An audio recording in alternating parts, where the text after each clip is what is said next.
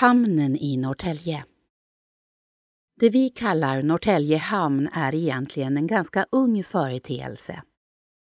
Den anlades på 1880-talet och hade i stort sett spelat ut sin roll hundra år senare. Den blev på så sätt bara en parentes i stadens historia.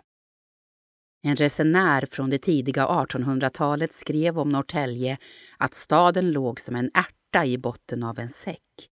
Inloppet från öppna sjön var långt och vindlande. Från början förtöjdes båtarna längre upp i ån, vid Lilla torget. Först på 1830-talet, då Norrtälje fått ångbåtsförbindelse med huvudstaden, började man fundera på mer permanenta tilläggsplatser. Så växte hamnen sakta fram.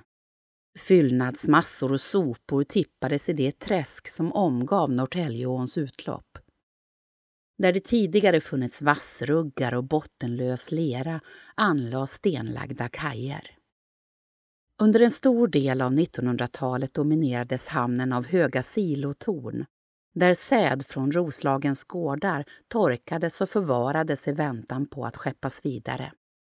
Här i hamnen fanns också den stora ångsågen omgiven av oändliga rader av brädstaplar. På 1990-talet hade kustsjöfarten spelat ut sin roll och nya planer växte fram för hamnen. Så föddes idén att förvandla den gamla industrihamnen till ett modernt bostadsområde. När den nya stadsdelen om några år är färdig kommer 5 000 människor att bo och leva här.